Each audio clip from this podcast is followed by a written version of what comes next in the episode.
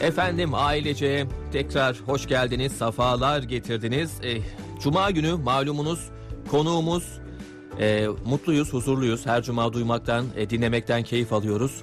Profesör Doktor Sayın Nevzat Tarhan hocamız şu anda telefon hattımızda. Hocam hoş geldiniz yayınımıza. Ama nazar değdirdik herhalde. Hocamı eh, duyamadım. Sanırım telefon hattımızda bir problem var. Ee, olsun. Az sonra hocamıza tekrar bağlanacağız efendim. Bugün e, psikiyatrist e, Profesör Doktor Sayın Nevzat Tarhan hocamızla nosofobi yani hastalık fobisi üzerine, hastalık korkusu üzerine konuşacağız. Hastalık korkusunun sebepleri nelerdir? Nasıl ortaya çıkar? Hastalık korkusu olan insanlar neler yaşarlar? Bunları hep birlikte görmüş olacağız ki koronavirüs döneminde e, bazen e, maske, mesafe ve temizlik diyoruz ama bu temizlik kurallarını biraz abartabiliyoruz. Kendimize zarar verebiliyoruz. E, bu tür özellikler nosofobiye yani hastalık korkusuna girer mi gibi sorularımızı cevaplayacağız efendim. Hocamız şu anda telefon hattımızda. Hocam hoş geldiniz yayınımıza. Hoş bulduk. Teşekkür ederim Ee, Emre Bey. iyi yayınlar diliyorum. Sağ olun hocam. Nasılsınız? iyi misiniz? Sağlıklı mısınız? Allah'a şükür çok şükür iyiyiz çok şükür işte günlük yaşantı normal tempo devam ediyor. Allah kolaylık versin Evet, sağ hocam. olun. Allah sağlık versin. Teşekkür ederim sağ olun inşallah inşallah. Herkese sağlık versin. Gerçekten insanoğlu şu son dönemde sağlığın önemini e, daha çok düşünmeye başladı. Özellikle genç nüfus sağlık sağlığı çok hoy, hoyrat kullanıyordu. Evet, genç evet. nüfus. Evet. Yani insanlık hoyrat kullanıyordu. Yani be- belli bir yaşa gelince sağlığın kıymeti anlaşılıyordu. O açıdan yani insan sahip olduğu küçük şeylerin kıymetini bilmek gibi bir insanın mutluluk biliminin temel öğretilerinden olan bir beceriyi unutmuştuk. Evet. Küçük şeylerden mutlu olmak. Çünkü biliyorsunuz e, bu kapital sistem tüketerek mutlu olmayı amaçladığı için üreterek mutlu olmayı önemsemiyor. Hı hı. Yani üreterek mutlu olmayı, tüketerek mutlu olmayı. Şu anda da gençlerde, insanlarda tüketim çılgınlığıyla, gençlerde böyle durumlarda üretme çağındaki gençler bile tüketme sevdasına düştüler. Evet, evet hocam. Bu da kapitalizmin ciddi bir riski, hedonizmi, hedonizm oluşturmasının riski. Hı hı. Bu e, yani üreterek mutlu olmak gibi bir e, şeyi beceri kaybediyoruz Hı hı. küresel olarak Hı hı. bu bu şey yapamaz. Yani şu andaki gençler öyle çalışıp o borca girip evlenmek falan böyle zora talip olmak gibi bir dertleri yok. Hı hı. Hı. Yani bunun için bu şey oldu. Yani bu bu salgının aslında faydalarından birisi de olacak bu arkadaş. Sen bu ölümlü bir dünyada yaşıyorsun. Hı hı. Her şey geçecek, elinden kayıp gidecek. E bunun için yani bunun sağlığını da kaybettiğin zaman kıymetini anlıyorsun ama çok geç oluyor. Hı hı. Onun için zaten hastalıkların da önemli bir kısmı şeyde böyle e, e, yaşam stilinin yanlış olmasından kaynaklanıyor. Evet, evet hocam. E, yemek, içmek, beslenmek, Hı hı. ha- hareket gibi böyle yani yaşam felsefesi gibi konularda Hı hı. bunlardan kaynaklanıyor. Ama bir kısımda da bir uçta da bu Covid bir şeye daha sebep oldu. Siz biraz önce vurguladınız. E, e, burada o da şu sağlık konusunda sağlık endişesi artan bir Evet, ciddi evet, evet. grup da var. Evet, evet, Evet. hocam. Yani Hatta bazıları böyle hasta olmasa da e, fobi sanki tarzında. hastaymış gibi. Evet. Evet. Buyurun hocam. Tabii fobi tarzında bir hastalık korkusu ortaya çıktı. Hı hı hı hı. Yani burada bu, bu, bu kitlede epeyce ço- çoğaldı. Yani şu anda en çok aslında yani öyle o noktada hastalık hastalığı tarzında bir şey oluştuğu için böyle hastalık fobisi oluştuğu için e, riski alan hastanelerdir böyle durumlarda. Hastanelere daha çok gitmeye başladılar. Daha çok kaçınmaları gerekirken Doğru. kısmı Doğru. gidip orada tahlil yaptırmaya başladı. Kuyruklara girmeye başladı. Daha büyük risk. Yani bir kısmı da tabii bunun dozunu kaçıranlar tam şeyden yani hastane ve sağlıkla ilgili hiçbir şeyi yok sayarak yaşamaya çalıştılar. Hı hı. Yani bu fobi olanların bir kısmı da böyle yani sağlık endişesinden öte e, hastalık fobisi. Hı hı. İkisi aynı değil çünkü. Sağlık endişesinde sağlıktan endişe duyarsın. Sık sık tahlil yaptırsın, film yaptırsın. Bir yerin uyusa hemen doktora gidersin. Bir sürü tahliller, inceleme yaparsın. Bir şey çıkmaz, rahatlarsın. Bir, bir gün sonra tekrar aynı şey olur. Gene gidersin. Bunlar aslında bir somatizasyon bozukluğu denilen bir rahatsızlık bu da. Yani kişi hasta olmadığı ha- halde böyle hast- e, hastalıkla ilgili aşırı uğraş vardır. Evet. Ama hastalık korkusu yoktur onda. Hı. Yani hastalık uğraşı vardır. Hipokondriyazis denilen şey, şey denilen tersin iki ayağı var. Biri hastalık korkusu olan ayağı, diğeri de sağlık endişesi olan ayağı. Hı hı. Hastalık korkusu, hastalık kelimesini anmak anmaz o kişiler. Hmm. Hastalıkla ilgili her şeyden kaçarlar. Hı. Yani o, o- o- Hacı- yani misofobi vardır. A- Mikrop korkusu olan hastalık kopisi vardır. Ee, bu o misofobi Yani- tarzına da denebilir. Yani Evet. o, o korkularda da tam tersi kaçınma davranışı ön plandadır. Anladım. Hocam Hayatta. şimdi şöyle e, mesela e, iki ayrımı yapabilmek açısından biz e, hastalık korkusu deyince ilk anlattığınızda sağlık endişesini e, düşünüyorduk. Aklımıza o geliyordu. Hastalık korkusunda şunu mu diyeceğiz? Mesela bir ortamda ya işte e, şöyle, bilmem bir yakınımız e, şöyle bir tüberküloz olmuş e, varsayıyorum. Dendiğinde sanki ben de öyle miyim acaba diye bir korku yaşayan kişi mi hastalık korkusuna kapılmış oluyor? Tabii. Yani şimdi burada kişinin yani hastalıkla ilgili bir korku duyması doğaldır insan. Tüberküloz olmuş, başka hastalık olmuş, ben de olurum tarzında. Bu korku olan kişilerde iki türlü tepki oluyor. Evet. Bir kimse sağlık endişesine dönüşüyor bu. Sık sık tahlil, film, doktor e, o eski eskitiyorlar bütün o yolları. Bütün o de, şeyler denemeleri yapıyorlar. Bir kısmında da hastalık fobisi oluşuyor. Hastalığı yok sayarak yaşamaya çalışıyorlar. Ka- kaçınma davranışı ortaya çıkıyor. Evet anladım. Yani bu, bu böyle bir yani verilen tepkiye göre değişiyor. Yani hastalık fobisi olanlar e, hastalıkla ilgili kanallar seyretmezler, her şeyi kapatırlar. Yani hiç tıbbi konulara hiç ilgilenmezler. Yani onunla ilgili mesela hasta ziyaretlerine gitmezler. E, mezarlığa yanından geçmezler. Ölüm korkusu da genellikle eşlik, eder onlara. Yani böyle yani yakını ölür şeyine gitmez. Hasta olacağım diye. Yani eşi hasta olur, eşiyle ilişkisini keser. Hı hı, Bu şekilde. hı. Evet. Yani bu da- o kadar. ve yani o hastalık fobisi olanlar hastalığı ilerler ilerler gene doktora gitmez. Hı hı. Yani bakıyorsunuz ileri yaşta vardır. Ya bir türlü bir anne çocukları tahlile götüremezler onu. Hı hı. Götüremezler. Ya sonuçta hani sık sık has ben hastayım falan hiç konuşmaz. Evet. Hastalık bahsetmez ama hastalık çıkarla ilgili korkuyu şey yaparak yok sayarak kendini rahatlatmaya çalışır. Bu hastalık fobisi tarzında dediğimiz durum ortaya çıktığı zaman oluyor bu. Bu, bu, bu e, nozofobi tar- tarzındaki denilen bu durum şeydir. Hastalık artık yani e, tek monofobi oluyor. Yani tek e, bir alan, tek bir korku. Başka korkuları yoksa, ölüm korkusu varsa o monofobi olmuyor. Baş, mikrop korkusu varsa o olmuyor.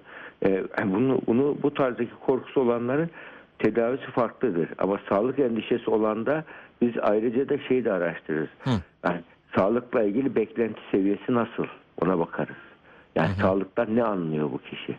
Sağlıktan hiçbir belirtisi olmamayı mı anlıyor? Hiç öksürmeyecek gibi mi anlıyor mesela? Hiçbir yere kaşınmayacak gibi mi anlıyor? Hı hı. Öyle anlarsa ufacık bir yer kaşındığı zaman, ufak bir şey olduğu zaman hemen te- telaşlanır. Ge- Gece ben öyle hiç unutmam. Bir gün gece bir buçukta bir hasta aramıştı.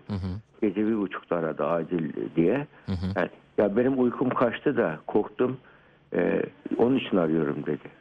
Yani benim ben sen, sen benim doktor musun? Ben uyuyamıyorsam sen de uyuma diye de bir espri yaptı bana. Yani- öyle diye espri de yapmıştı hiç unutmam ama işte o korkuyordu işte yani o uy- yani yoksa normalde öyle e, şey birisiydi yani. yani iyi birisi yani şey olarak öyle empatisi olmayan biri değil. Yani şey biri yani vurdum duymaz saygısız biri değil. Fakat o derece korkmuş ki yani öle, ölecek gibi hissetmiş oradan arıyor. Yani onun için yani e, insan e, ilginç bir varlık insan yani gerçekten korkuyu yönel bazı insanın hayatında korku egemendir. Yani verdiği bütün kararlarda korkunun tesiri olur. Korkular. Evet, Korkular o kişinin e, böyle ve şey yaptığı böyle değer yargılarsı haline gelmiştir korkuları. Değer yargılarımız da nedir? Neye benzer? Biliyor musunuz? Böyle trafik işaretlerine benzer. Trafik işaretleri yani yolda trafik işaretlerini yanlış vererek bir insanı uçuruma götürebilirsiniz trafikte. Değil mi? Evet. Yani yol, trafik işaretleri doğru düzenlendiğini insan ön kabul olarak inanır ve uyar ona. Ama geçmişte bazı suikastlar öyle yapılmış. Trafik levhalarla oynanarak e, kaz- kazaya e, sürüklenmiş e, örnekler var böyle komplo teorisi veya gerçek bilemiyoruz ama olabiliyor. Yani bunun gibi şeyde e, hayatında da hayat yolunda ilerlerken değer yargılarımız bizim zihnimizin trafik işaretleridir. Yani değer yargıları bozulmuştur bu kişilerin. Yani ufacık bir yerin e, uyuşursa felç olabilirsin diye bir değer yargısı var. Bir, bir insan hatta bir gün ağlayarak bir hastamız gelmişti. E, niye bu kadar panik yaptım? Eyvah dişlerim elden gitti. Ne oldu dedim. Baktım geçti hasta. Yani dişinin bir tanesinin ucu kırılmıştı. Ya bu kadar kırılmasının senin için ne önemi var dedi. Dişimin bütünlüğü bozuldu dedi. Mükemmeliyetçi birisiydi. Hmm, evet. Ya bak o kadarcık bir şey bile tolere edememiş. Evet. Düşünce katılığı var. Düşünce esnekliği yok Hı hı. kişide. Evet. Yani böyle kişiler düşünce katılığı ben bir özellikle narsistik yatırımını bedenine yapmış kişiler diyoruz biz buna. Hı hı. Yani tanrı kompleksi narsizm biliyorsunuz. Tanrı kompleksi narsizm kendisini yeryüzü tanrısı gibi görmek, görmeyi hissetmesi kişinin. Ben mükemmelim. Her şey benim kontrolüm olmalı. Her şey benim dediğim gibi olmalı. Dünya benim etrafımda dönüyor gibi olmalı. Çıkar odaklıdır. Sağlık yönünden, her şey yönünden ben sıfır hata olmalıyım gibi düşünür. Egosu öyle yüksektir ki bu kişilerin. Yani narsistik yatırımını bedenine yapmışsa eyvah tehlike başlıyor. Böyle durumlarda mesela bana bir gün öyle bir narsistik yatırımını sağlığına yapmış bir iş adamı gelmişti. Daha diyor ki ben büyük bir firmanın şeyiydi, uluslararası firmanın CEO'suydu. Hı hı hı hı. Türkiye'deki temsilcisi daha doğrusu. Diyordu ki ya ben bir milyar dolarlık bütçe yönetiyorum ama tansiyonumu yönetemiyorum diyordu. Düşünebiliyor musunuz? Yani o kontrol duygusu öyle yüksek ki Evet evet. kontrol duygusu yüksek ki yani her şey, bunu bu kadar şeyi yönettiğime göre ben sağlığımı da yönetebilirim, tansiyonu da yönetebilirim. Nasıl yönetemiyorum deyip bunu yediremiyordu kendine. Haddini bilmiyordu yani. Hmm. Halbuki insan yani sen parayı yönetirsin ama o vücut sana ait değil ki. O vücudun patronu sen değilsin. Kesinlikle. Vücut vücudu vücudumuzun patronu biz değiliz. Bunu kabul edeceğiz. Evet. Vücudumuzda bizden daha akıllı bir sistem yaratılmış. Hı hı. Vücudumuz bizden daha akıllı. Yani vücudumuza bir mikrop girdiği zaman bizim sadece yaptığımız e, mesela o hijyen kuralına göre yıkayıp yıkamamak. Onu yaptığımız zaman o mikrop ilerleyemez. Yapmazsa ne? İlerler, lenf bezlerine yayılır. Gene ihmal edersen hastalık haline dönüşür. Akıntılar, yaralar oluşmaya başlar. Hekimin orada yaptığı nedir orada? Sadece o tedavi zincirinde kayıp bir halkayı bulup onu yerine koymak. O da nedir? Bu, o mikrobu hemen yok edip o hızla iyileştirecek birkaç ilaç vermek. Ondan sonra vücut zaten o iyileşme ile ilgili 10 tane kural varsa birini hekim bulup tamamlıyor tedavi halkasının kopuk halkayı. Vücut geri kalanı kendisi yapıyor. Yani onun için vücudumuz bizim bizden daha akıllı. Öyle bir yar- yaratan öyle bir sistem yaratmış ki onu oradan haddimizi bileceğiz biz. Yani onun için vücudumuzdaki sisteme saygı duyacağız. Yani biz ben vücudumu biz en çok hastalık hastalık hastası gibi dediğimiz kişiler var ya sağlık endişesi Evet dediğimiz evet. Evet hocam. kişilerde en çok neyi rastlıyoruz biliyor musun? Yani benim sağlığım niye dört dörtlük olmuyor diye devamlı oturup 60 dakikanın 59 dakikası kendini inceliyor. Hmm. Şuram nasıl, buram nasıl, ne olacak, eyvah. Ya hasta olursam ya ölürsem en kötü senaryolar devamlı. Artık rutini her şeyi aksıyor. Uykusu da bile uykuya bile yatağa yatıyor. Devamlı aklında bu konu. Uykuya dalamıyor bir türlü. Zi- Zihni kemiren düşünceler. Bu narsistik yatırımını bedenine yapmış kişiler diyoruz. Yani egosunu terbiye edemediği için bedeninin üzerine yani bedenim e, mükemmel olmalı tarzındaki bir kaygıyla ondan sonra panik çıkıyor mesela. Panik bozukluğu da çok çıkar kişilerde. Hı hı hı hı. Yani şey geçireceğim tarzında sağlığım dört dörtlük olmalı. Her şeyi ben kontrol edebiliyorsam bunu da ederim diye başarılı olmuş kişiler de mesela vardır. Öyle durumlarda mesela gene rahmetli olmuş Zeki Müren'e bir e, ana, bu arada da bir e, örnek hani kamuoyuna mal olmuş bir kişiler olduğu için söyleyebiliriz bunu. Mesela o da e, Bodrum'da 130 kiloya çıkmıştı. 130-40 kiloya evden çıkmadığı için. Neden? çıkmış çünkü hareket edersem kalp krizi geçireceğim korkusu var. Hmm. Ya onun için hareket etmiyor. Hareket edeceğim korkacak var ve korktuğu başına geldi. Bir gün hareket etti, bir sahneye çıktı, pat diye kalp krizinden öldü. Evet. İnsan korktuğu şeyi davet ediyor. Kesinlikle. Halbuki o zaman da o panik bozukluk tedavisi olsaydı ben o günkü hekimlerine sitem ediyorum yani. Hı hı. Yani hep böyle beden sağlığı üzerinden yardımcı oldular ona. Hı hı. Halbuki onun bir ruh sağlığı yönünden fayda destek olsaydı panik bozukluğun tedavisi var çünkü. E nasıl olacak hocam onu soracaktım. Ya, yani böyle ondan- bir rahatsızlığı olan kişi varsa ben hasta olacağım korkusu yaşayan e, Tabii. ve hastalık e, sakınan göze çöp batar derler. Açıkçası Aynen, az aynen önceki öyle. verdiğin öz- örnek de buna e, bir misaldi. E, bunun çözümü nedir hocam peki? Tabii bunun çözümü şöyle. Yani böyle e, sağlık endişesi mi var? Beklenti düzeyi mi yüksek? Yoksa şey mi var? Bu kişinin böyle kaçınma davranışı var mı? Ona bakıyoruz. Mesela orada kaçınma davranışı var. Evden çıkmıyor mesela. Hı hı. Kaçınıyor artık. E, sağlık endişesi var mı? Tabii onu incelemek lazım. Yani sağlıkla ilgili zihinsel uğraşı fazla mı? Onu inmek var. Fazla olursa o zaman sağlık endişesi oluyor. Bir de hastalık korkusu genellikle eşlik ediyor buna. Yani, e, eşlik ediyor. Nosofobi de bilinen hani şeyde e, popüler literatürde e, eşlik ediyor. Bu bunlar varsa kişide biz ne yapıyoruz o durumlarda? Bir e, alt boyuttur bunlar. bu e, panik bozukluğu. Hangisi ön plandaysa onunla ilgili tedavi planı yapılıyor. Ama önce biyolojik boyutu var panik bozukluğun. Yani bu kişinin beyninde hipotalamus diye bir bölge var.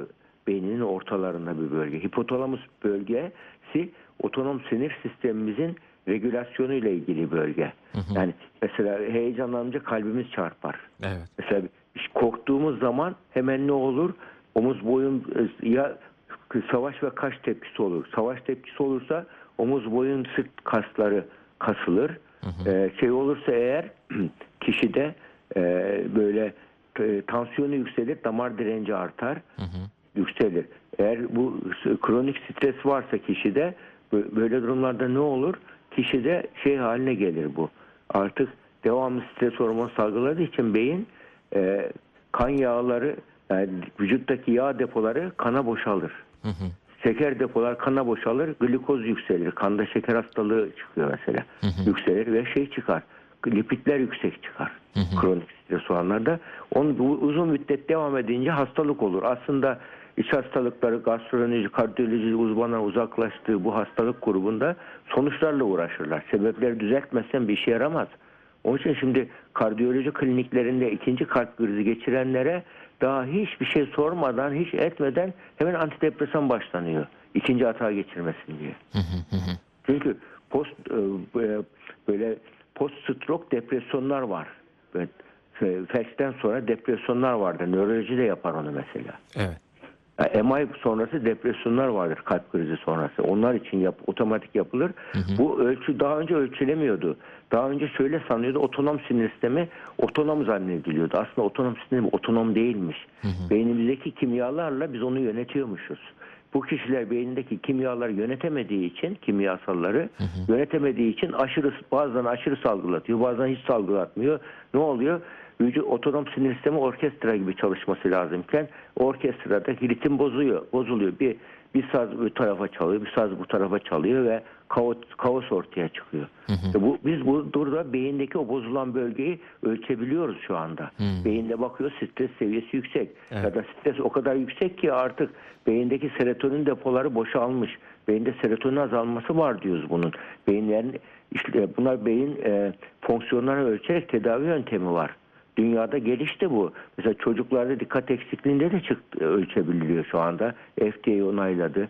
Bunları biyolojik kanıtlarla gösteriyoruz ve onun üzerinden tedavi gidiyoruz. Önce beyin kimyasını düzelttiği zaman bu şuna benziyor. Bir alarmın, alarm, arabanın alarmı bozuksa kedi çıktığı zaman öter hemen değil mi? Evet doğru. Ama alarmı bozuk değilse bir şey olmaz ona. Evet. Yani çarptığı ya da kapı zorlandığı zaman örse. İşte beynimizdeki alarm mekanizması var sağlıkla ilgili.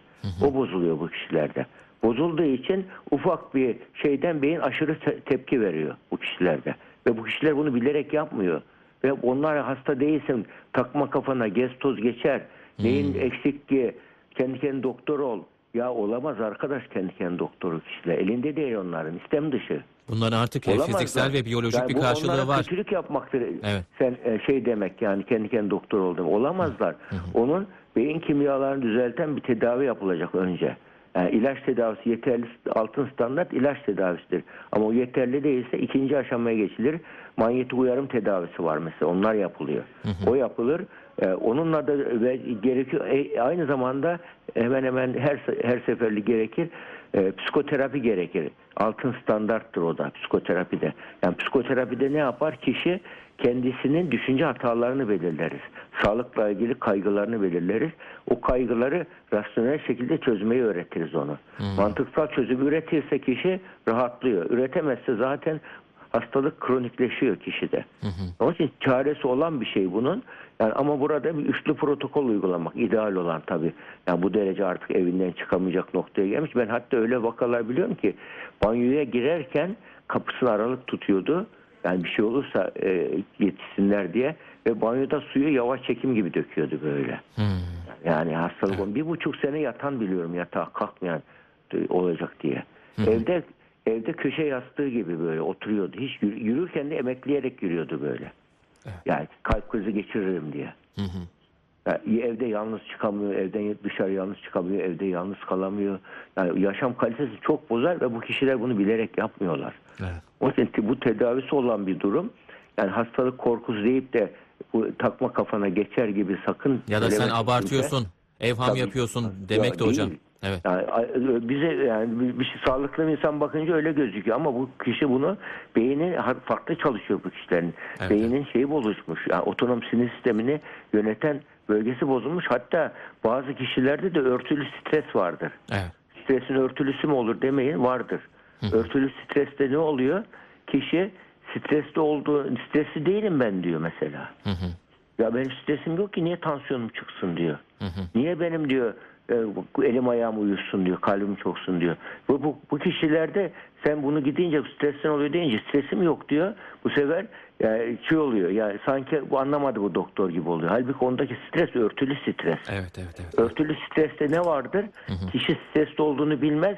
Organ diliyle yaşanır stres. Evet, evet. Stres ve damarı kasar, tansiyonu yükseltir. Evet. Omuz, boyun, sırt kaslarını kasar, fibromiyalji olur mesela.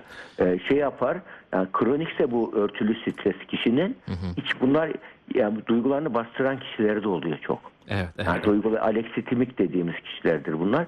Duygularını bastırdıkları için şey yapamazlar onlar. Yani böyle yani duygu ifadesi yapamazlar bir şeye üzdüğünü, kızdığına.